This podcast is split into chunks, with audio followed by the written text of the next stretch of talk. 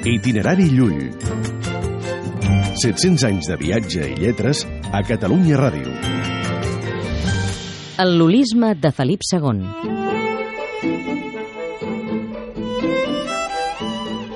A Castella, l'interès per l'obra de Ramon Llull es va convertir en una qüestió d'estat durant el regnat de Felip II. Aquest rei va impulsar la canonització de Llull a Roma i va fer compilar els seus llibres.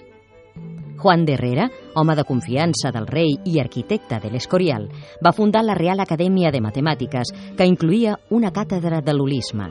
L'arquitecte, que posseïa més de 100 títols de Llull, va escriure un tratado del cuerpo cúbico conforme a los principios y opiniones del arte de Raimundo Lulio. Itinerari Llull.